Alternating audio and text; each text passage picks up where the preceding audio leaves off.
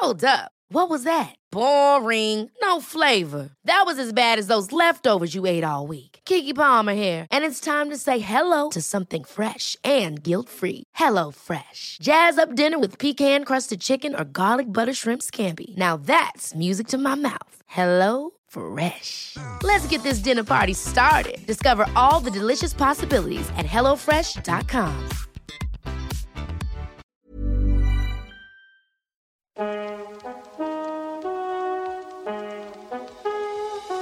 Hallo allemaal, ik ben Van Poorten hier. Leuk dat je luistert naar Met z'n allen de podcast. Deze podcast is voor iedereen en met iedereen. Vanuit onze studio in Amsterdam buigen wij ons over jullie ingestuurde vragen. Want samen is beter dan alleen.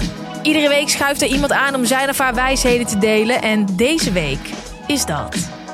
Mark Tuitert. Hey, hey, hey. Ik vind het zo leuk dat jij hier bent vandaag. Want ik heb jou al de afgelopen week heb ik helemaal speciaal mee gewacht. Met je boek luisteren totdat je hier zou zijn. Heb ik je in mijn oren gehad. Heb ik zoveel vragen voor je.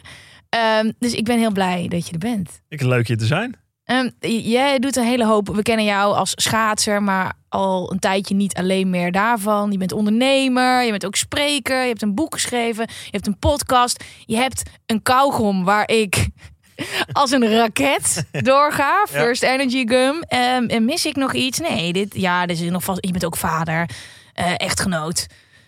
Alles. Um, maar ik ga vandaag toch echt, denk ik, wel het meeste met je praten over je boek. Uh, Drive. Mm -hmm. um, wanneer dacht je, het is tijd voor een tweede boek? Want je had al een keer eerder ja. een boek geschreven. Maar wanneer dacht je, hey, ik wil graag een boek schrijven dat gaat over een stoïcijnse mindset? Ja, nou, dat, dat kwam eigenlijk door dat, dat het eigenlijk gedurende mijn hele carrière ben ik altijd heel erg geïnteresseerd geweest. Ik, ik las altijd heel veel boeken over uh, marketing, business, maar ook heel erg over filosofie. En eigenlijk gebruik ik uh, filosofie heel erg om mezelf, ja, mijn eigen gedrevenheid een beetje te kanaliseren. Als sporter, ambitieus, ondernemer, je wil dingen bereiken, maar ja, het moet niet jezelf opvreten, zeg ik wel eens. Het moet niet ten koste gaan van je eigen levensgeluk. Hè? Mm -hmm. Hoe kun je die twee nou balanceren? Nou, daar hebben de vroegere Romeinen en Grieken met name hele mooie dingen over gezegd. Dus uiteindelijk ben je een beetje op onderzoek uit. En ja, kwam ik steeds dichter bij wat voor mij heel goed werkte. En dat, dat was Stoïcijnse filosofie. Dat is 300 voor Christus. Uh, eigenlijk een soort samenraapsel geweest van een aantal filosofische stromingen in de Griekse oudheid.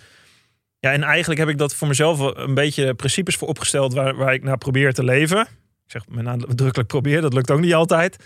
Maar uh, ja, toen kwam eigenlijk uh, die hele coronacrisis. En um, ja, eigenlijk werd ik ook wel weer op mezelf teruggeworpen op die principes. Dat ik dacht, oh ja, fuck, ik, ik, wat moet ik even? even je bent richt, stuurloos, zo voelt het.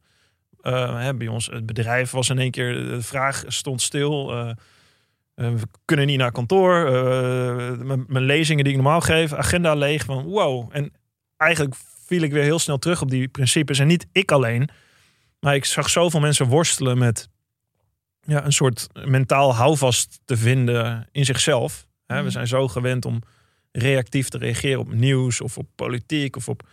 En dat is best wel lastig, helemaal heden ten dagen, om een soort innerlijke grondhouding aan te nemen. Om daar kalm en rustig onder te blijven. Ja, dat konden de Stoïcijnen supergoed.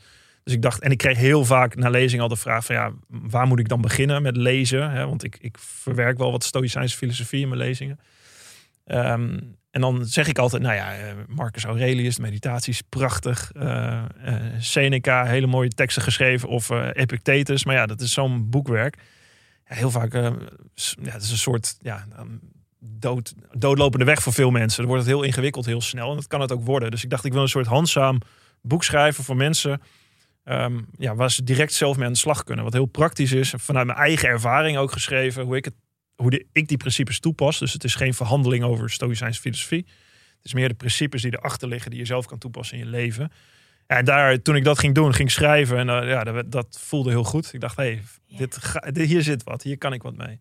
En, toen jij voor het eerst in aanraking kwam met Stoïcijnse filosofie, waarvan ik wel had gehoord, maar geen idee had dat dit het inhield. Mm -hmm. En voor iedereen die nu luistert, die denkt, ik heb geen idee wat het is, maakt niet uit, dat is oké, okay, komt straks. Ja. Um, was jij niet verbaasd dat zoveel van die principes terug te trekken waren op jouw dagelijks leven, op jouw trainen, op jouw carrière? Ja, nee, dat heb ik, dat heb ik, dat heb ik juist ervaren. Dat, dat zeg maar bepaalde levensprincipes die mensen dus al duizenden jaren geleden ja, destilleerde uit wat het betekent om een goed leven te leiden. Ja, dat die nog steeds geldig zijn. Dus de hele wereld is veranderd. We zitten hier een podcast te maken. Dat, dat deden de Grieken en Romeinen niet. Die deden het op andere manieren. Maar de, de mens zelf is niet veranderd. Dus we zijn nog steeds. Weet je, Marcus Aurelius beschrijft het heel mooi. Die was keizer van het grootste wereldrijk, een machtige man. En die wilde eigenlijk eerder filosoof worden. En die hield zichzelf voor dat hij in een. Hij wilde geen keizer worden, want hij zou terechtkomen in een corrupte omgeving, in politiek. Hè, nou, in, in die tijd in Rome was als je keizer was en je werd afgezet of je kreeg een opvolger, dan werd je familie erbij uitgemoord, zeg maar. Dat kreeg je als. Het was geen leuke positie eigenlijk om aan te nemen, maar hij probeerde hem zo goed mogelijk in te vullen met de trainingen die hij had. En aan de andere kant heb je Epictetus, dat was een slaaf die dus eigenlijk totaal geen vrijheid zou ervaren. Hè? We hebben het wel eens over vrijheid, helemaal met corona. De vrijheid wordt maar afgepakt. Nou, die man was slaaf, weet je. Dan heb je geen... En toch probeerde hij innerlijk vrij te zijn. En dat lukte hem heel goed. Werd uiteindelijk een van de meest beroemde leraren in zijn tijd. Ja, dat zijn fascinerende principes die nog steeds geldig zijn uh, voor nu. Um, en, en dus ongeacht wat er gebeurt in de wereld, ongeacht wat je hoort op het nieuws of waar, waardoor je jezelf laat leiden, je eigen emoties of die innerlijke rust, die innerlijke kalmte, die grondhouding, dat is Stoïcijnse filosofie. Dus het is niet geen emoties ervaren, wat vaak dan onder stoïcijns wordt ervaren in onze Precies, taal. dat was toen ik jouw boek uh, opensloeg, digitaal uh, op Storytel. Mm. Dat ik dacht, ja, maar dit, maar dit ben ik waarschijnlijk helemaal niet. Nee, Want stoïcijns, Emotieloos. Precies. Onaangedaan. Maar ik herkende heel veel ja. van mezelf daarin. En ik heb ook heel veel geleerd. Maar is het um, ook niet heel vaak dat wij... Natuurlijk, we weten dat er filosofen zijn. En we weten dat alles wat wij nu hebben ergens vandaan komt. Maar dat we ook vaak denken... Vroeger, mensen duizenden jaar geleden... Ja. die wisten niet zoveel. Er kwam niet zoveel vandaan. Ja, nou, bekijk het maar. Dat die, dat, de wijsheid die zat daar al heel erg in. En eigenlijk het stoïcisme is een soort en bijna een cosmopolitische filosofie. Het was ook de eerste echte filosofie die een aantal dingen bij elkaar bracht. Uh, aan de ene kant van de cynici, hè, dat was een, een, stroming eigenlijk die helemaal niks met filosofie op hadden, maar gewoon uh, eigenlijk doet het alles, de externe zaken doen er niet toe. Dus uh, als je arm bent of ziek kun je nog goed leven als je maar goed leeft. Mm -hmm. En moreel, ethisch goed leeft. Ja, en de Stoïcijnen voegden er eigenlijk heel veel dingen aan toe. Dus niet, het waren geen uh, filosofen die in een hokje bleven zitten of in de academia les, les gaven. Het waren mensen die de wereld instapten. Dus ook politiek bedreven, liefde, et cetera. Het hele leven en alle aspecten ervoeren. En ja, dat, ja, dat vind ik fascinerend. Dat dat toen dus al... Eigenlijk zijn we dat gaandeweg verloren. Hè? Toen kwam het, het christendom. Nou ja, daar, zijn, hè, er zitten ook hele goede morele principes aan. Maar er zitten ook heel veel normen en dogma's aan dat als ik maar goed leef, nou in het hiernamaals daarboven komt het wel goed. Wat, ja, wat, dat is geloof, dat is niet filosofie. Dat is niet je gedachten, je denkvermogen gebruiken om te onderzoeken. Mm -hmm. Dat is op een gegeven moment daarmee stoppen en dan maar denken, ja, dat zal wel zo zijn. en daar geloof ik in. Ja. Ja, daar, zo ben ik ook opgevoed hoor. Ik ben gelovig opgevoed. Het stoïcisme is, het christendom heeft daar veel voor overgenomen. Alleen ja, uiteindelijk, hè, daarna is weer een hele stroming op gang gekomen. Die gelukkig een hele andere kant op gaan. En ik denk heden ten dagen dat het meer waardevoller is dan ooit. Omdat we, Nietzsche zei al, God is dood. En dat bedoelde er niet mee, geloof niet in God. Dat bedoelde er niet mee, als we die leidraad van het geloof verliezen, dan komt er iets anders voor in de plaats. Mm -hmm. En daar zijn wij heel erg op zoek, denk ik. naar. hè, noem het spiritualiteit, noem het andere dingen. We hebben een soort ergens houvast nodig als mens um, in bepaalde principes. En ik geloof dan niet echt om dat heel hoog te zoeken en daar vage begrippen uit te ontlenen. Ik ga liever terug naar jezelf. Wat, zijn wij, wat verbindt ons als mens? Mm -hmm. uh, en wat houdt het in om goed te leven? Niet alleen voor jezelf, ook richting anderen. Ja, ik denk dat dat relevanter is dan ooit. Laten we daar houvast aan houden in plaats van het te zoeken in allemaal grote abstracte concepten. Laten we het heel praktisch houden. En dat is wat Stoïcijnse filosofie is. Het hele praktische filosofie. Dus Mhm. daarom heb- omschrijf ik het ook in mijn boek. Het zijn levensprincipes die je echt iedere dag kan toepassen in plaats van ja, eh, een god aan te roepen. En denk je ook echt dat, kijk, bij jou is dit naar boven gekomen in de afgelopen twee jaar, waar een hele hoop is gebeurd. Ja, nou, afgelopen Ehm, twintig jaar wel hoor. Het is ja, gegroeid. maar afgelopen maar twee jaar is ja, het echt, eh, je kwam, voelde je het boven borrelen en dacht je, dit, dit, wil ik wil ik- delen. dit wil ik delen. Heb je ook het gevoel dat dit op dit moment meer dan ooit nodig is? En dat mensen dit ook anders ontvangen nu misschien dan dat ze voor de hele pandemie hadden gedaan? Ja, nou, als er iets is wat eh, zo'n coronacrisis brengt, is, is dit het misschien wel. Ik ben ook wel geïnspireerd door andere mensen. En wat, wat ik het mooie vind, ehm, is, is dat als, als we, wat, waar ik echt door gemotiveerd word, is dat als mensen iets beter leren nadenken, en dat ik zeg het echt bewust zo, leren nadenken over wat het inhoudt om, om goed te leven. En daar moet iedereen zijn eigen filosofie in. Hè. Het is niet, ik heb geen uh, leidraad van als je dit doet, doe, doe je het goed.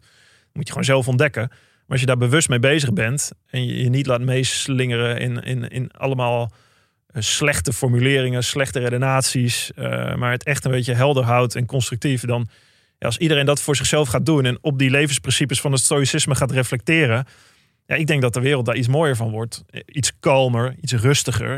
Um, en dat mensen daar meer mee bezig zijn. En vanuit die rust kun je alle dingen doen die je wil. Ga dat, ga dat mooi doen. Alleen, ja, er zijn wel een bepaalde waarden eh, waar het stoïcisme heel erg voor gaat. Dus iets meer naar een waardegedreven samenleving. Ja, dat zou denk ik heel erg waardevol zijn. Want dan, nu zijn we zo reactief. Hè? Ook, ook met een regering. Ook, we zijn zo reactief bezig. Met we moeten hierop. We moeten eigenlijk terug een stapje van wat vinden we waardevol? Hoe zouden we waardevol kunnen leven? Wat houdt dat dan in? Nou, als je daarna terug gaat over nadenken, als we dat allemaal zelf een beetje zouden doen, dan dat is heel waardevol. Dan wordt iedereen gaat daar helderder over nadenken. Nou, dan kunnen we daar samen heel mooi over discussiëren op een constructieve manier. Zoals Socrates ooit al deed. Ja, dan, dan wordt de wereld iets mooier van. Mooi. In plaats van schreeuw, roep, lul, Maar heb je dan, ja, eigenlijk zijn er twee stromingen, maar heb je niet ook het gevoel dat er een gedeelte is geweest van deze aardbol die de hele pandemie heeft aangegrepen om juist dat te doen? Een stapje terug te mhm. nemen en wat meer in zichzelf op zoek te gaan. Ja. Ehm, ik heb echt het gevoel dat een hele hoop mensen op een plekje zijn gekomen waar ze nog nooit zijn geweest, doordat ze meer op zichzelf zijn aangewezen. En dat is niet iedereen, maar. Nee. Nou ja, dat kan, dat kan heel goed. Ja, dat, uh, alleen eh, wat hè, de Stoïcijnen zouden zeggen, is, is dat je. Uh, doe dat, reflecteer op jezelf. Alleen. Wees ook kritisch naar je eigen gedachten en gevoel. Hè. Laat je je niet zomaar meeslepen in. Oh, ik voel. Hè, waarom doe je dit? Nou, het voelt goed, hè, dat heb ik ook, fijn. Maar blijf wel reflecteren op waarom dat dan zo is. Hè. Blijf wel ook een soort sceptisch ten opzichte van je eigen gevoel. Dus mhm. waarom vind ik dit nou? Waarom doe ik dit nou? Wat drijft me daarin? Dus die vragen jezelf blijven stellen is heel waardevol. Dus altijd, het is altijd een gevoel en een en hoofd. Die twee gaan altijd ergens in een soort wisselwerking. Het is niet het een of het ander.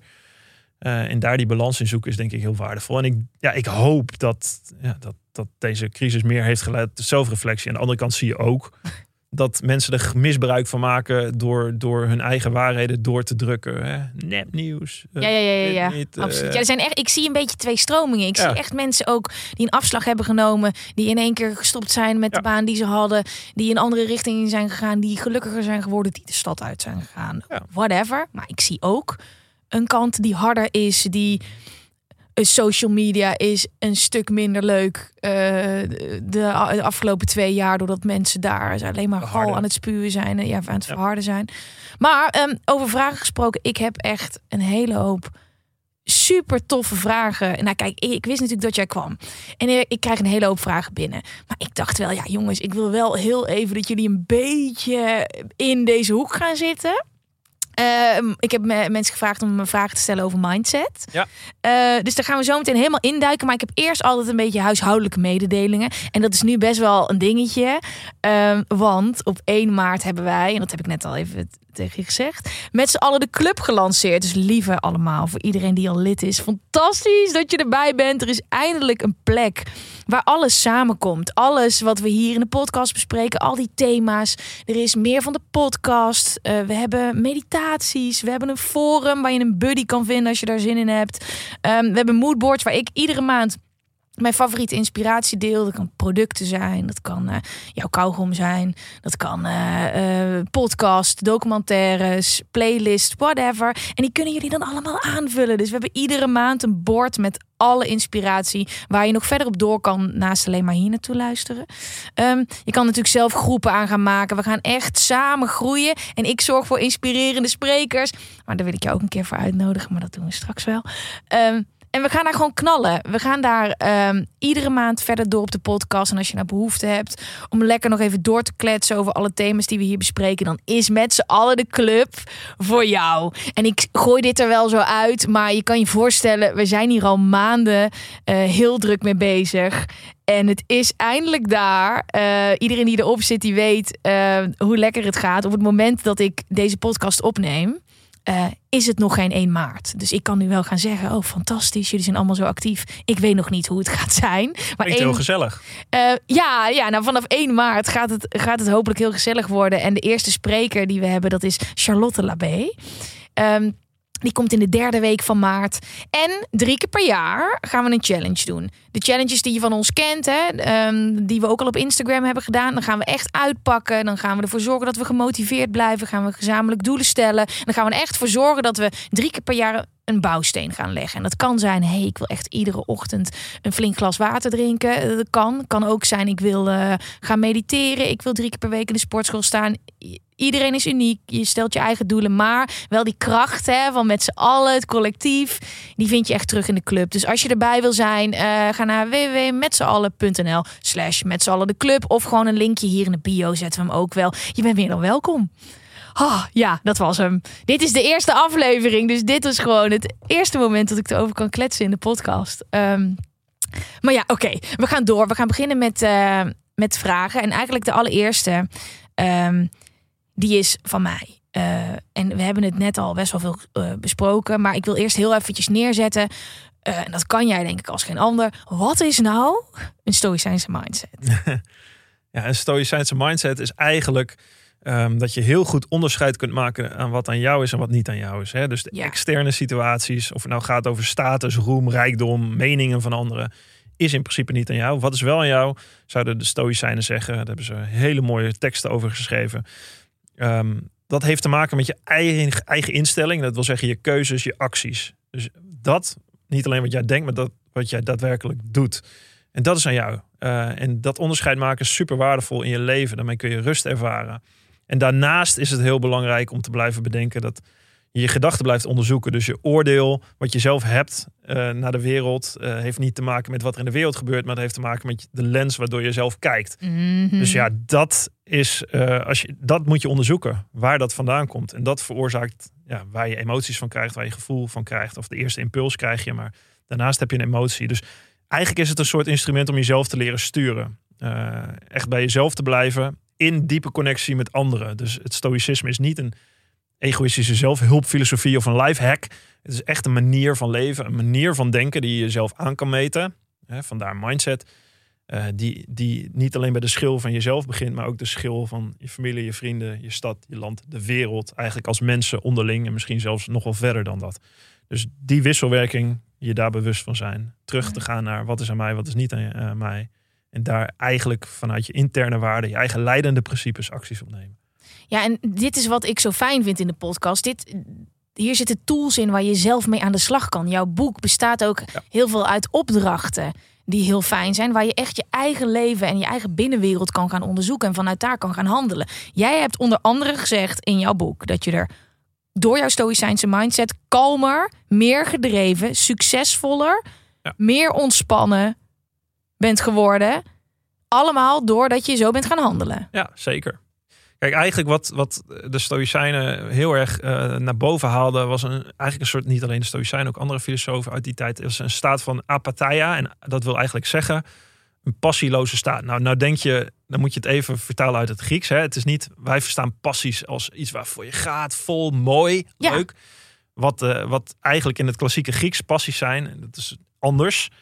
Uh, dat zijn eigenlijk, wat bedoelen ze daarmee, negatieve emoties. Dus het zijn letterlijk de emoties waaraan je lijdt dus uh, angst, uh, boos zijn, kwaadheid.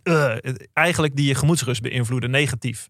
Dus eigenlijk willen ze daar vanaf. Dus je leven wordt minder waardevol als je je constant laat meevoeren door frustraties, door angst, door.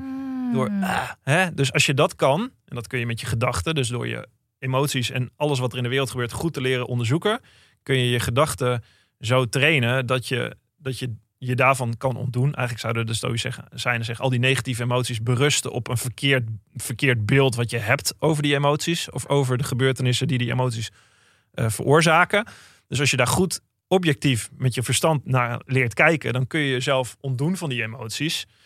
Hey, Klinkt kan, heel relaxed. Dat, ja, ja, en vanuit die, vanuit die ontspannenheid, kalmte, kun je doelen halen. Dus als jij succesvol wilt zijn of ik wil een gouden medaille halen, ja, dan kan ik me ontdoen van al die druk die daarbij komt. En dat, het is niet van ik ik, ervaar totaal geen druk. Die, die druk werkt constant op me in. Weet je? Mhm. Dus het is niet van, oh, ik heb een trucje gevonden. Ik kan die druk naast me neerleggen. Nou, kom maar op met de Olympische Spelen. Ik ga lekker goud winnen. Zo werkt het niet. Nee. Het is iets wat constant speelt. Wat je iedere dag voor je eigenlijk voor, je, voor jezelf moet ja, bij, bijna hertrainen. Wat je iedere dag kan opschrijven in je notities. Of wat je iedere dag een soort mantra naar jezelf kan herhalen. Eh, en dat is een constante uitdaging. Het is niet een trucje van ik heb het gedaan en ik weet het voor altijd. Helemaal niet. Dus als je dat kan trainen, die negatieve emoties. Nou, jij doet het met meditatie, is het ook wel een beetje zo. Hè? Je kan het binnen laten komen en weer weg laten gaan. Mhm. Dus je ontdoet je van die negatieve emoties, waardoor je de kalmte en de rust hebt om heel goed en vol energie die dingen te, te doen waar jij, eh, waar je, ja, die je wil doen. Een podcast maken, Mhm. ondernemen, gouden medaille winnen, eh, wedstrijd winnen als je meedoet. Ga ervoor. Ga, zet die lat, leg die hoog, eh, ga die uitdaging aan. Fantastisch. Alleen probeer je niet te laten frustreren in de weg naartoe. Want die frustraties en die tegenslagen en dat verdriet en die pijn, dat gaat komen. Dat hoort Mhm. bij het leven. Dus het is niet, dat gebeurt niet. Nee, het gebeurt. Maar welke reactie verkies ik zelf Mhm. daarop? Ik laat me niet meesleuren in dat verdriet of die pijn, maar ik verkies mijn eigen reactie. Ja, en dat is iets wat super moeilijk is. Mhm. Maar als je dat lukt, het klinkt heel makkelijk, maar als je dat lukt. Ja, het klinkt niet makkelijk hoor. Nee. Nee, nou, sommige Ja. mensen zeggen wel eens, ah ja, je moet gewoon eh, je, ja, je gedachten aanpassen. Ja, zo werkt het. ja, Ja. Maar, maar jij zit hier te praten en denk ik, oh nice, dit is echt fijn als je dit allemaal zo gedownload hebt op je harde schijf. Als je dit de hele tijd, de, de hele dag zo hoort afspelen in je hoofd. Maar dit is niet altijd zo geweest, hè? Jij bent op een gegeven moment echt tegen jezelf aangelopen. Je was toen 21. Ja.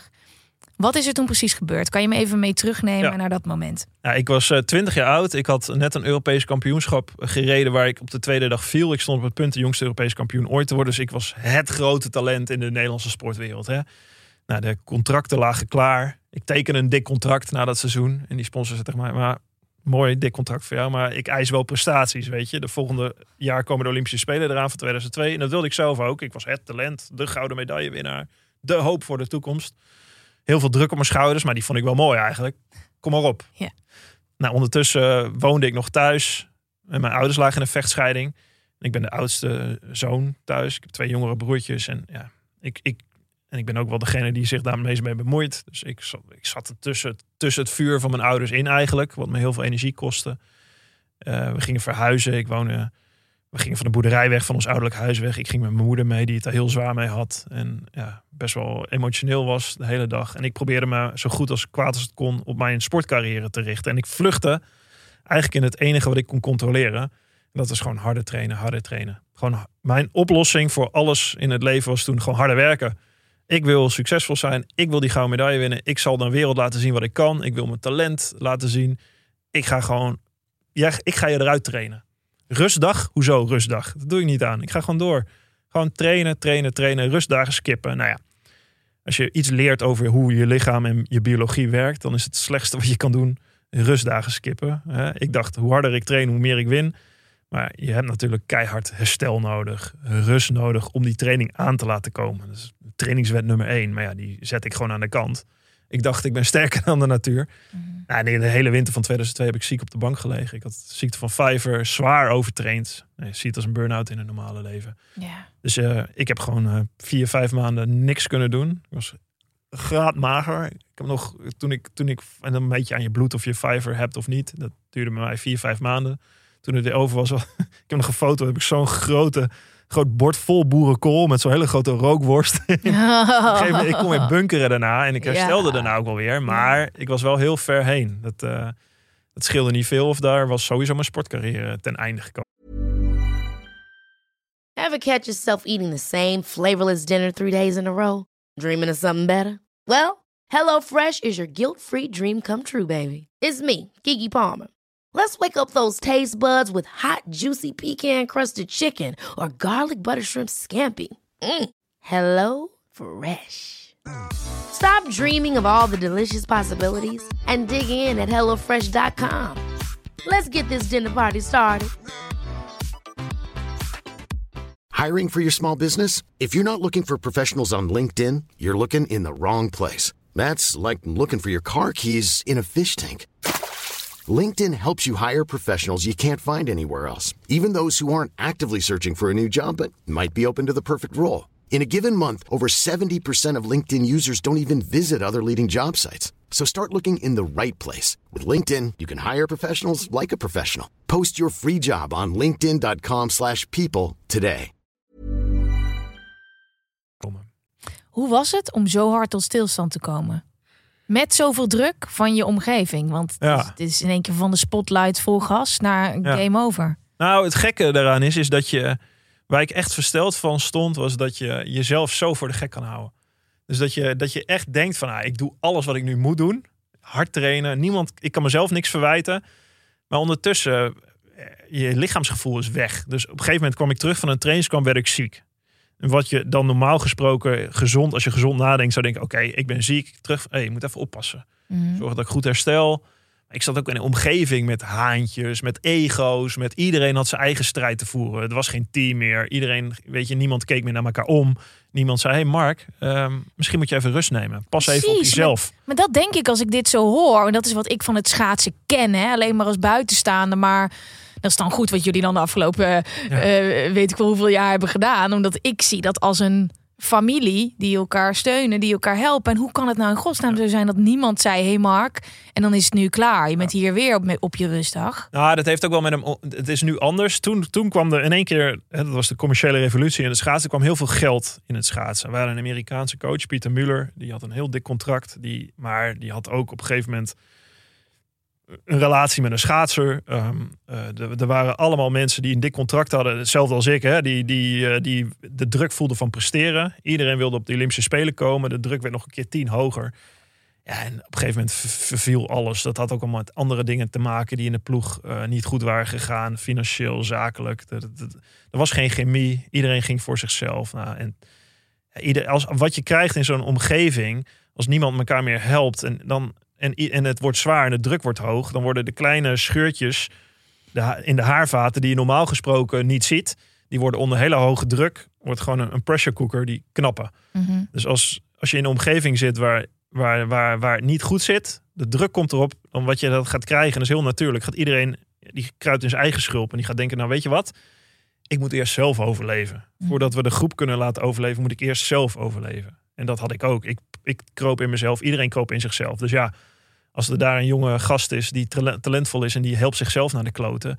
Ja, ja dat is even niet mijn pakje aan nu. Als Mhm. iedereen dat heeft in een ploeg, dat is echt gif. Ja. Dan, dan wordt in een bedrijf is het gif, in een team is het gif. Als iedereen, als niemand meer zegt, hey, een arm om je heen staat, gaat het met je? Ja, er was één iemand die dat deed. Dat was mijn moeder. Eh, die was verpleegster en die zag het aan mij. Eh, ik, ik werd magerder, ik trainde mezelf af. Ik, eh, ik werd gewoon, ja, hoe noem je het, grumpier. Ik werd gewoon, Het was gewoon niet leuk om bij te zijn. Nou, dat was mijn moeder ook al niet, want die lag midden in die emotionele vechtscheiding. En die zei het, die waarschuwde me. Zeg, Mark, dat gaat niet goed. Je hebt hartkloppingen. En eh, ik zei, ah, mam, je hebt geen verstand van topsport. Dit hoort erbij. Dus wat fascinerend is van ik, is dat je dus met je eigen, ge- je eigen gedachten zijn zo krachtig. eh, mindset. Als je, als je het niet goed gebruikt, daar niet over nadenkt, helpt het je ten gronde. Het kan je aan de andere kant ook weer helpen. eh, in prachtige manier op. Dus toen heb ik voor het eerst, ben ik boeken gaan lezen over filosofie. En ik kwam Marcus Aurelius tegen, waar ik het over al had, die wijze keizer. En die omschrijft het heel mooi in zijn, in, zijn meditaties. Er staat een hele mooie zin. Hè? Wat, wat, tegenslag, eh, wat tegenslagen waren, worden een richtingaanwijzer. En wat je verhinderde om een bepaalde weg in te slaan, wordt die richtingaanwijzer. En dat, dat, Is dat dan... eh, Je hebt een groot stopbord, dus dat is, hier Ja. moet je niet naartoe. Is dat de richting? ik heb letterlijk in mijn presentatie gebruik ik een stopbord. Echt? Ja, en een, daarna een richtingwijzer. Ja. Eh, en dat is het inderdaad. Het is gewoon een stopbord van wow. Ik word nu even, ik, ik kan niks meer. Hè? In al mijn gedrevenheid. Ik, ik lag op de bank plat. Ik, ik had, nee, uiteindelijk hebben we bloedonderzoek gedaan. Nou, het zag er niet best uit. Pas na drie, vier maanden, veel te laat. Dus ik kon ook niks anders. Hè? Ik werd echt letterlijk gestopt als een tank. Die, die, die- ja, op een gegeven moment heb je zo'n grote muur voor je. Ja, je kan je wel doorheen beuken met kracht, maar op een gegeven moment gaat het niet meer. Dus je hebt niks anders dan te luisteren naar je lichaam en Mhm. even tot stilstand te komen.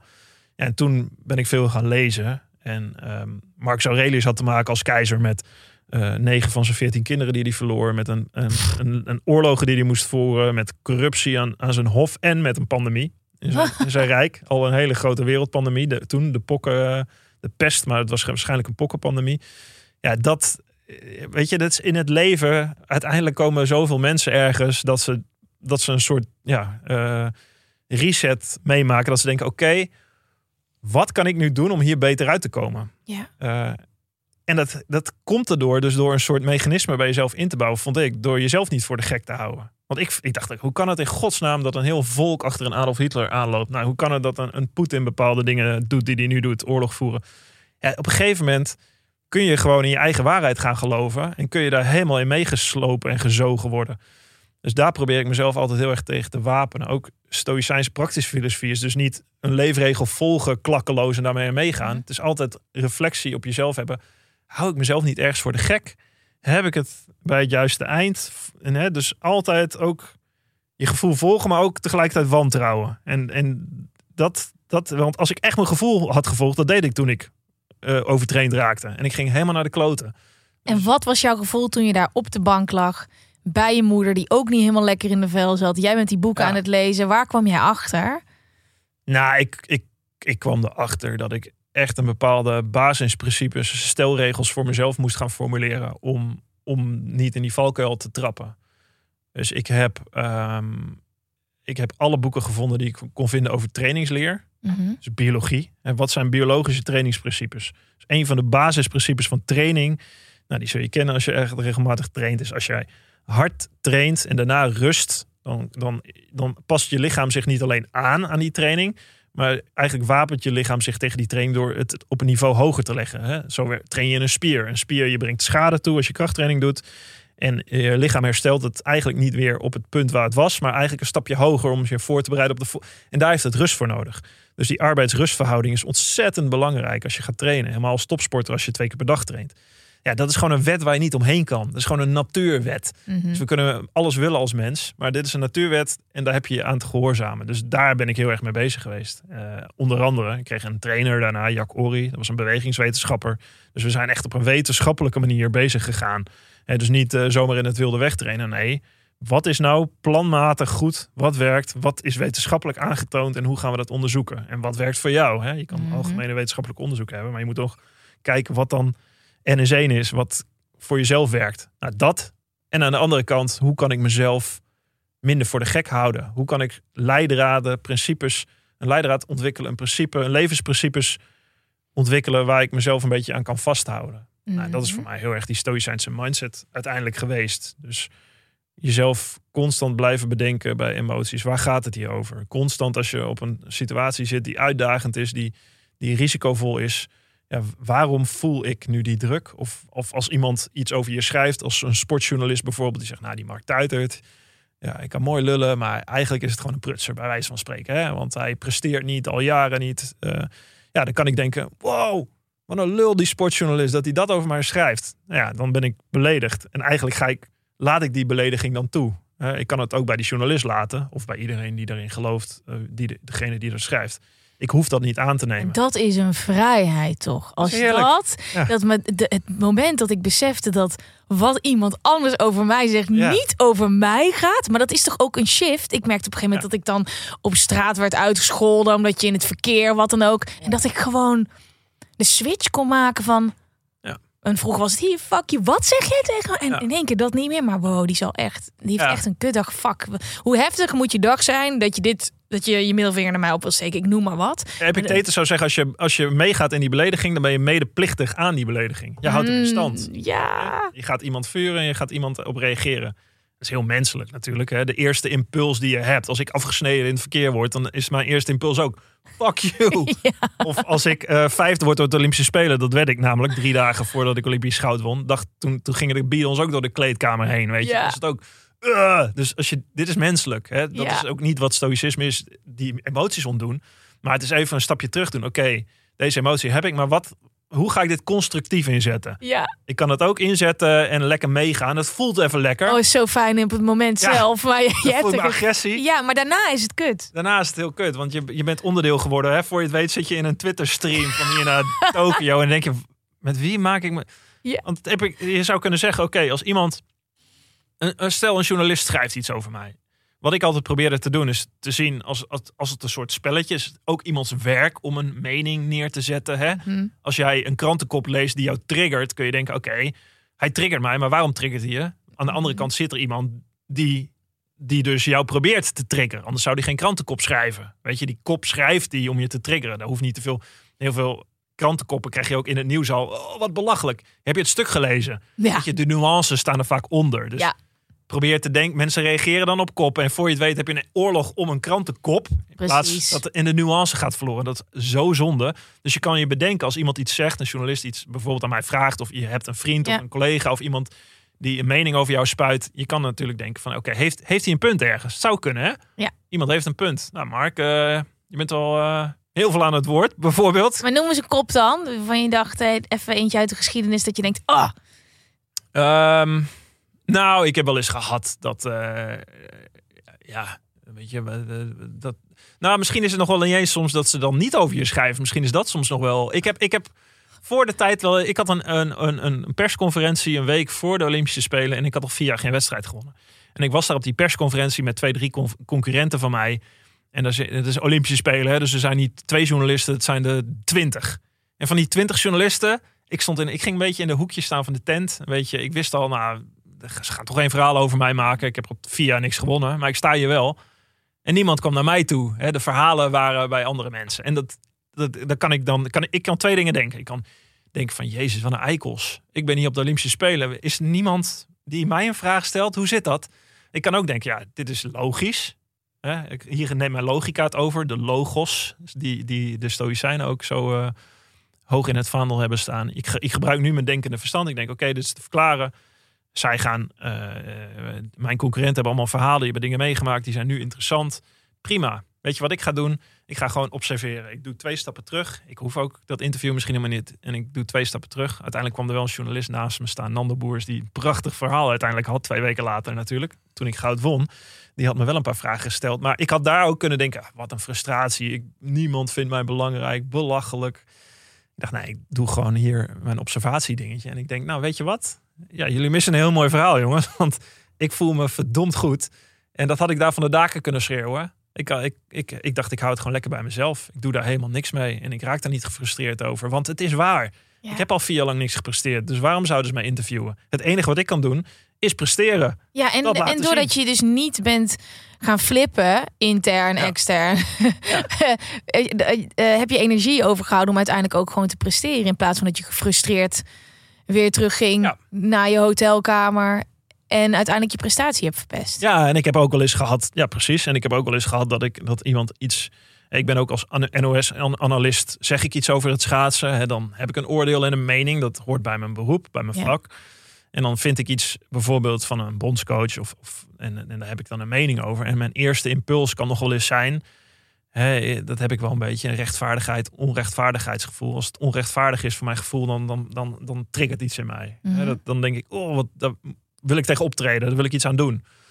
Alleen wat ik in de tijd wel geleerd heb, als, als ik op de eerste impuls reageer, dan word ik kwaad. En uh, hè, daar gaan we weer. Negatieve emotie, Passie. kwaad, passie. De passie, het passie in de Griekse ja. zin van het woord. Negatieve emotie. Uh, dus uit kwaadheid spuie ik dingen. En dan, dan, verlies ik mijn gedachtentrand. En dan, als, als jij mij zou horen, zou je denken: Oh, die is wel heel boos, zeg. Maar ik weet eigenlijk niet precies waarom. Hè, dan wordt het niet constructief. En, en dus wat ik geleerd heb daarin ook, is soms even een stapje terug te doen. Waarom ben ik nu kwaad? Even heel goed bedenken. Waar zit de crux van mijn, van mijn boosheid? En is het iets bij jou? Ja, ligt het bij mij? Is het, eh, Tuurlijk is het iets bij ja, jou. ja. Mijn bondscoach zegt iets. Waarom ben ik daar kwaad over? Het slaat eigenlijk nergens op. Nou, ik vind dat oneerlijk, want het gaat ten koste van een andere schaatser. Eh, en dat, dat- vind ik onrechtvaardig. Nou, waarom vind je dat onrechtvaardig? Daar ga ik dan over nadenken. Dan laat ik echt wel één, twee dagen rusten. Nou, ik weet wel dat ik de tijd krijg op tv om daar iets over te zeggen. Dat wordt me gevraagd op een moment. Dus daar komt een keer een moment. Misschien niet nu, dat ga ik niet zelf afdwingen. Daar wacht ik wel op. En ondertussen heb ik mijn gedachtentrand op orde. Nou, en als me dan die vraag gesteld wordt, ja, dan, dan, dan eh, Dione, volgens mij, de gaf stelde die vraag. Dan ben je boos, Mark? En dan, zei ik, maar ja, ik, ben wel, ik was helemaal niet zo boos. Ik, die kwaadheid was er al uit. Alleen als je die kwaadheid eruit kan leren, leren slopen, dan, dan word je veel effectiever. Dan ga je zeggen wat je echt wel voelt van binnen. Maar dan volgt het een bepaalde trant. En dat is, ja, dan zet je het in op een constructieve manier. In plaats van dat je je mee laat slepen in die kwaadheid, die dan misschien mensen wel begrijpen, maar die is niet constructief en niet effectief. Nee, je hebt daar niks aan. Nee, oh, Nee, wat, nee. eh, oh, dan heb je Gwen weer. Oh, die is eh, super, Is heel, heel tof, heel eh, boos. Maar wat, wat bedoelt Ja. ze nou precies? Ja, en dat is wat een hele hoop mensen nu doen online. Ja, ja even de frustraties spuien. Ja. Ja, ja. Ja. Een- we gaan naar een vraag eh, die hier niet zo heel veel mee te maken heeft, maar ze eigenlijk een beetje een kleine break. eh, want ik vond hem goed passen nadat ik je boek heb geluisterd. Ehm, ja, en dan start ik een muziekje in. En die doet het ook gewoon. Ehm, hey Gwen en gast, hoe gaat het met jullie? Ik zie de laatste tijd superveel mensen die allemaal gekke dingen doen om gezonder en fitter te worden. Vooral vasten, ijsbaden. Maar dit is toch knotsgek? Begrijp me niet verkeerd, maar ik leef graag gezond. Maar waarom moet ik dit willen?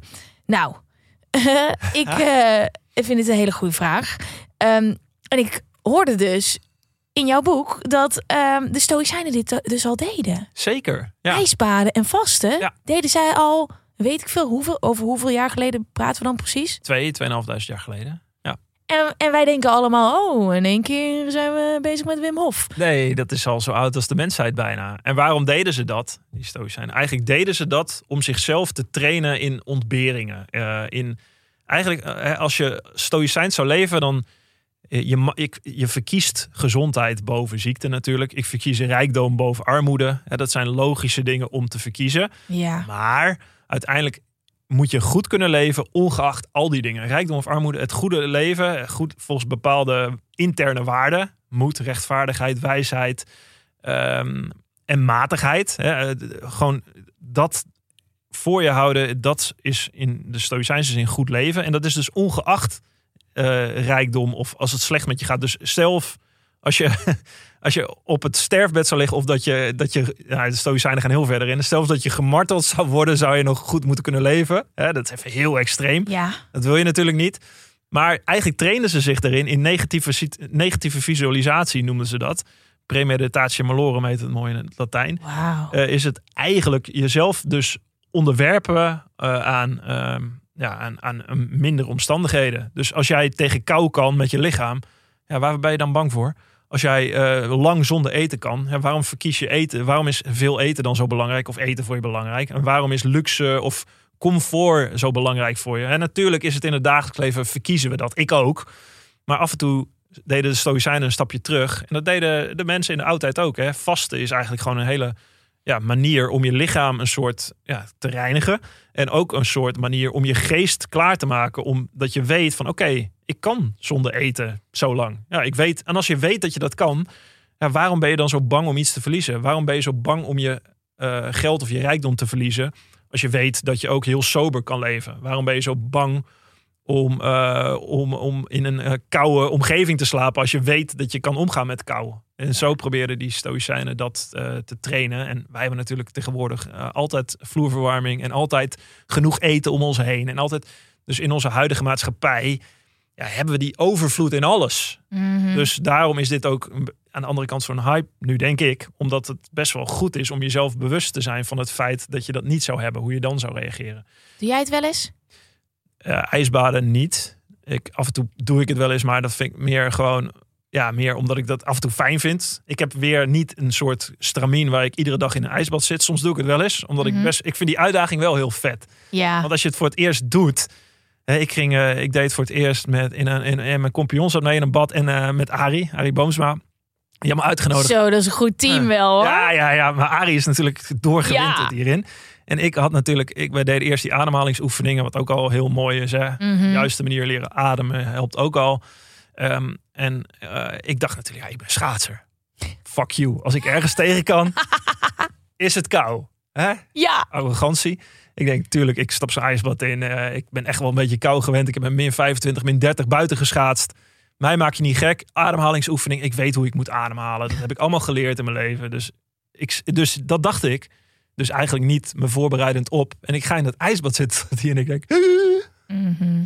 fuck. Dit is veel heftiger dan ik eigenlijk had gedacht. Maar ik zie Arie naast me zitten. Emotieloos. Mijn kopje Geen krimp. Ik zo, fuck, ik ga niet uit na 30 seconden. Ik ga niet degene zijn die nu uit. Dit is mijn eer te na. Dit is mijn ego te groot voor nu. Dus ik blijf wel zitten. Maar ik vond het echt best wel heftig. Eh, en ik dacht toen ik eruit stapte, ik dacht, wow, dit is best wel dit is gaaf. Je lichaam wordt dus uitgedaagd om dit te accepteren. Om hiermee om te Mhm. leren gaan. En dat alleen al is een hele mooie training voor je geest en lichaam. Maar hè, terug te komen naar die vraag. je moet dit niet doen om gezond te leven natuurlijk. Nee, zeker niet. Maar mensen denken, oké, Ja, omdat ze het dus zien. nu we het gezond eten en je hebt weet ik veel wat voor sapjes en, en dan hoort dit bij een gezondere leefstijl. Maar mensen denken aan hun lijf, maar denken niet aan hun hoofd. Dit weten mensen niet. Dat als je daarin gaat zitten, ik heb het nu inmiddels een aantal keer gedaan en iedere keer is anders. Ja. De ene keer was het, de eerste keer was heel mooi, maar totaal niet heftig. Een andere keer heb ik het gedaan tijdens een soort retreat, een business retreat. Ja. Eh, van Tibor, ken je Tibor? Ja, Ja, ehm, en eh, nou, daar ging ik gewoon vol in de met Casper. Casper die Ja. ook, Casper eh, ging mij begeleiden tijdens het bad. Ja. Ehm, eh, maar ik ken Casper, dus ik dacht ook, nou, komt goed. Nou, en ik ging echt in een. Hij zette mij op een gegeven moment terug. Dat was heel mooi, omdat we elkaar kennen. Ik ging erin zitten, maar ik had wel gehoord dat ik op een gegeven moment er wel uit mocht. En ik dacht dat dat het punt was. Maar ik ging er te vroeg uit. Dus hij zet mij echt met één zo'n vingertje terug. En toen gebeurde er iets in mijn hoofd. Ik, het, het was. Ja, ik moest gewoon in één keer huilen. Ik, eh, een dus- soort paniekreactie? Of? ja, het loslaten. Oh ja, ja, ja. Het, Ja. ehm, ja, ik kan het niet zo goed omschrijven, maar de, de, ik kon. Ik, ik weet, ik kan het nu echt niet meer zo goed beschrijven. Maar het was alsof er echt een last Ja. van me afviel. En daarna, toen ik eruit kwam, moest ik ook zo hard huilen. En ik ben geen huiler, niet Mm. heel snel. Dus ik vind het ook, je bent daar ook met een reden. Dus het is heel fijn als dat Ja. soort dingen gebeuren. Maar het verbaasde mezelf dat iedere keer, als ik het nu toe heb gedaan, ik heb het drie of vier keer gedaan, gebeurt er iets anders. Nee, maar dit is het voor mij. Het is, eh, hey, het is een uitdagende reactie die je met je hoofd ergens moet oplossen. Of je ergens aan over moet geven. En Mhm. dat, dat willen we niet. We willen ons niet. Hè, de Stoïcijnen zouden zich overgeven aan het lot. Mhm. Amor fati. eh, het liefde hebben zelfs voor het lot. En dat is een hele belangrijke ja, skill die je kan leren. En dat, daar zit voor mij ook af en toe dat ik dat wel leuk vind, een ijsbad in. Hè, het is ook een wetenschappelijke verklaring voor. Je- Ik heb ook eh, over een onderzoek dat je bruin vet in je lichaam. Als je dat onder kou brengt, dan zet dat aan. Eh, heb je, dus het is, niet, het is ook echt wel gezonder misschien. Maar het is best wel heftig om dat steeds vol te houden. Dus op een gegeven moment, wat mensen dan soms doen, is, is dan maken ze hele, hele eh, ja, van die kleine dingen, zoals een ijsbad, maken ze heel belangrijk en heel groot. Als dat is dan de gezondheidstip die je, nou, als je dat doet, ja, er zitten zoveel basisdingen in van een gezond leven. Dat je goed slaapt, op tijd naar bed gaat. Dat je leert goed adem te halen en dingen los kan laten van frustraties en verdriet. Dat je, kan, eh, dat je gevoelens soms omschrijft. Dat je dat even kan parkeren. Ja. Dat je gezond eet. Daar hoef je geen gekke dingen voor te doen. Ja, ik, ik ben, ik, ik doe een paar dingen. Ja, dus ik, ben, ik heb één, ik heb een paar stelregels waar ik me dan wel aan hou. Maar dat zijn grotere dingen die voor mij werken. Ik, heel veel van die kleine dingetjes werken voor mij niet. En ik Oh, ik ben heel benieuwd. en als het echt moeten wordt, zo ik moet gezond leven. Ja, nee. Ten eerste, ik wil gezond leven. Dus gezond, een gezond, langetermijn gezondheid als waarde is voor mij heel hoog staat het in mijn leven. Dus als, als ik dat als hoog doel stel, dat betekent dat ik, ik ga niet roken, niet te veel drinken, niet, ik ga niet dingen doen die mijn lange termijn gezondheid schaden. Ja. Natuurlijk ga ik eh, een keer doorzakken met vrienden en natuurlijk, eh, maar niet gemiddeld gezien. Wat ik gemiddeld gezien doe en wat voor mij werkt, alleen werkt, is bijvoorbeeld ik doe intermittent fasting. Dus dat doe ik al Ja. twee jaar, tweeënhalf jaar. Eerst dacht ik, nou, het zal wel eh, leuk. Ik, ik probeer het een keer. Hè. Daar ben ik ook wel van. Experimenten, kijken of het voor je werkt. Na twee weken dacht ik, ja, dit hou ik niet vol. Ik stop ermee. En na twee maanden dacht ik, nou, ik probeer het nog een keer. Want ja, ik ben 41, ik word ouder, ik train wel, ik ben wel fit. Maar als je bij mij chips voor mijn neus zet of, of veel eet, hè, dat heb ik een beetje van mijn vader, denk ik, die is boer, die, mijn opa ook, die hebben tot 10 uur, 12 uur per dag fysiek gewerkt. Ja, die kanen, die eten. Zet eten voor mijn neus, ik eet het op. Ik Ja. Gewoon, wap, ik kan goed eten. Nou, dat, als sporter helpt dat. Want je verbrandt ook veel. Maar ja, nu niet meer. Hè. Ik zit meer. Hoor je vaak van topsporters Ja, die dan in één keer niet meer twee keer per dag trainen, maar toch wel hetzelfde blijven eten. Ik sprak eh, Johan Derksen vorige week. Die zei, eh, ja, ik heb... eh, toen ik stopte als voetballer, toen ik kwam 25 kilo aan daarna. 25 kilo. Ik zei, wow. Ik zei, maar dat wil ik niet. En, en het werkt bij mij slecht om te zeggen, nou, ik ga wel iets minder eten. Of ik, ik, ik, ik speel daar een beetje mee. Dus ik heb wel ondervonden dat intermittent fasting werkt voor mij goed. Dus ik ga om 12 uur ga ik eten. En om 6, 7 uur s'avonds eet ik voor de laatste keer. En alles wat ik eet, eet ik ertussenin. En ik eet wat ik wil. Ik let niet op hoeveel ik eet. Ik eet gewoon als ik Dus maar je eet dus alles daartussen, maar niet drie maaltijden bijvoorbeeld. Nee, ik eet geen drie maaltijden. En, maar je hebt dus nu nog niet gegeten. Nee. Oh, dat is interessant. Want ik heb dus, ik doe aan intermittent fasting, maar niet als ik een podcast nu ga opnemen. Want dan denk ik, oké, wij zitten hier. We negen uur s ochtends ongeveer zijn we begonnen. Nou, dan zitten we anderhalf uur te kletsen. En dan heb ik zo'n rommelende maag. Ja. En maar jij bent inmiddels er. Ja, eigenlijk moet je dat gewoon doortrekken. Want het is voor mij weer morgen weer moeilijker. Nee, ik doe het. Ik, ja, precies. Ja. Dus ik doe het ook gewoon iedere dag. Ik gewoon geen eh, af. Gewoon iedere dag. Het is gewoon stelregel. Behalve op vakanties. Of als ik, eh, als ik met vrienden eh, ga uitga of, of vakantie ga, dan doe ik het niet. Dan eh, ontbijt ik gewoon, dan doe ik het drie keer per en dan denk ik er niet bij na. Ja. Dus voor mij is het een soort ding qua mindset dat ik kan ik parkeren. Ik hoef er niet bij na te denken. Ja. En als ik dus wel ga ontbijten, dan moet ik er weer bij nadenken. Dus voor mij werkt het alleen. Ik heb ook voordat ik de Olympische Spelen won, een jaar lang geen alcohol gedronken. En ik hou van alcohol. Omdat als ik ergens ben op een feestje en je zegt, hey, wil je een biertje? Als ik die stelregel niet voor mezelf heb, dan... Ja, dus ik ben nu al mentaal aan het worstelen. Dat kost al mentale energie. En waarschijnlijk zeg ik vijf van de tien keer, ja lekker, doe wel eentje. Mhm. Dus ik heb gewoon, dit doe ik gewoon niet. Dus ik drink ook niet door de week. Los van vakanties weer. Ja. Eh, ook een stelregel. En in het weekend geniet ik van een wijntje of een biertje. En als ik een fles wijn op heb eh, samen met mijn vrouw, denk ik, nou leuk. Of, dan maakt me ook niet uit. Ja. Eh, en als ik een keer twee bier drink, leuk. Als het acht zijn, ook prima. Ja. Dat doe ik niet zo moeilijk over. Alleen ik hou me wel aan die. En dat is eigenlijk, ja, eigenlijk een beetje de enige stelregels. Naast geen telefoon op je slaapkamer. eh, Nice. gewoon proberen 8, 9 uur te slapen op een dag. Ik, sla- ik slaap wel goed en veel. Oh, lekker 8, 9 uur. Ja, dat haal ik meestal wel, ja. Maar ik ben als sporter zo gewend om, weet je wat, ook intermittent fasting, je vetverbranding zet aan, 's ochtends. En inderdaad, dat gevoel ken je een beetje. Maar ik ben ook gewend om zonder, eh, ik ben gewend om specifiek mijn vetverbranding als sporter ook te trainen. En dan moet je doorheen. Het, Het nuchter. Met het, eh, ja. Nuchtere maag Ja. sporten. En als je daar doorheen komt, dan merk je wel dat je ook minder tijd op een gegeven moment naar suiker, naar... Ja, dat is niet normaal, hè? Het is gewoon een wisselwerking. Dus ik het ben net weer eh, begonnen met. ik, ik heb me laten coachen al een hele tijd geleden. Ehm, om, eh, drie keer per dag eet ik dan. En twee maaltijden, 200 gram groente erbij. En als je. En, en intermittent vasten. Maar dat doe ik eigenlijk altijd wel. Ook als ik zooi eet. Dan Ja. eet ik het gewoon in. in dus, maar wat dat dan doet, hè? Als je weer zo voor je gaat zorgen dat je dan niet meer die, die snack zien. Nee. En die, dat, wat dat kan doen. Weet je? Ja, wij zijn gewoon, wij zijn zo gewoontedieren als mensen. En wij zijn zo. We hebben dat, dat bedoel ik. Je moet eigenlijk zelf je eigen. Dat deden de Stoïcijnen ook heel mooi. Je eigen impulsen moet je echt onderzoeken en wantrouwen. Dus Mhm. in je eigen impuls. Oh ja. En dat wil niet zeggen dat je nooit mag doen. Hè. Dat wil niet zeggen dat je. Oh, ik heb zin in een biertje. Oh, nou, mag, mag dat nooit. Ik moet nog Waar komt over vandaan? Nadenken. Waar komt dit? Ja. Nee, je hoeft geen diepere levensvragen te stellen als je denkt van ik ga een keer een biertje drinken. Alleen als je iedere avond een biertje drinkt, of twee of drie, dag in, Ja. dag uit. Ja, dan moet je bij jezelf wel even de vraag stellen: ehm, is dit wat een goed leven voor mij is? Of ben ik nu aan het vluchten voor iets? Of probeer ik nu ergens iets op te lossen wa- wat, ik niet op kan lossen? Weet je? Mhm. Waarom kan je jezelf niet die, die discipline opbrengen om dat te doen? En dat is waarom die stoïcijnen ook weer mooi. Dan kom je eigenlijk weer terug bij de vier kardinale waarden, de vier kardinale deugden, die heel hoog verheven staan in die filosofie. Dus eentje van is daar zelfdiscipline. ja, Dus hè, zelfdiscipline geeft vrijheid. Als je jezelf bepaalde regels op kan leggen, dat. Ja. dan heb je vrijheid mentaal om al die andere dingen te kunnen doen. Eh, Terwijl je juist denkt, als ik gewoontes ga inbouwen, Ja. wordt mijn leven saai.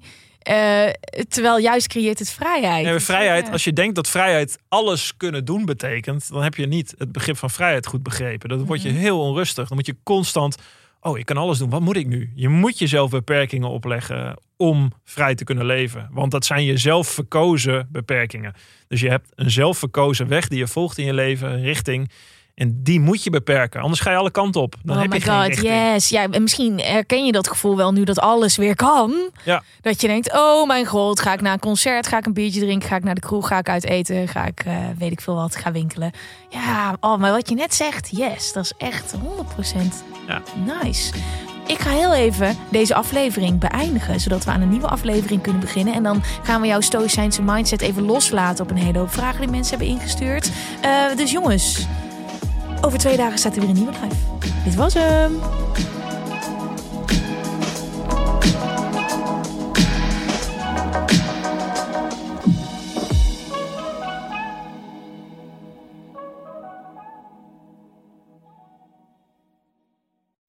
Dit is vervelend. We hebben nog 30 seconden advertentieruimte beschikbaar, maar jouw merk zit er niet in. Wil jij deze ruimte beter benutten en staan waar voorheen HelloFresh of Samsung stonden? Mail dan naar adverteren@tonymedia.nl. Weet je waar ik zo'n tyfushekel aan heb? toeristen als het te druk is in de stad, zelf koken. Ja, alles wat je nu zojuist benoemt. En daarom maken jij, denk Daan Hogevorst, En Robert Rodenburg. een podcast waarin we alleen maar klagen. Want klagen is HET medicijn tegen het collectieve leed wat maandag heet. Dus elke maandagochtend een nieuwe te horen op je favoriete podcast-app. Maandag Klaagdag! Jezus, zingen moeten wij nooit doen. Ever catch yourself eating the same flavorless dinner three days in a row? Dreaming of something better? Well, HelloFresh is your guilt-free dream come true, baby. It's me, Kiki Palmer. Let's wake up those taste buds with hot, juicy pecan-crusted chicken or garlic butter shrimp scampi. Mm. Hello Fresh. Stop dreaming of all the delicious possibilities and dig in at HelloFresh.com. Let's get this dinner party started.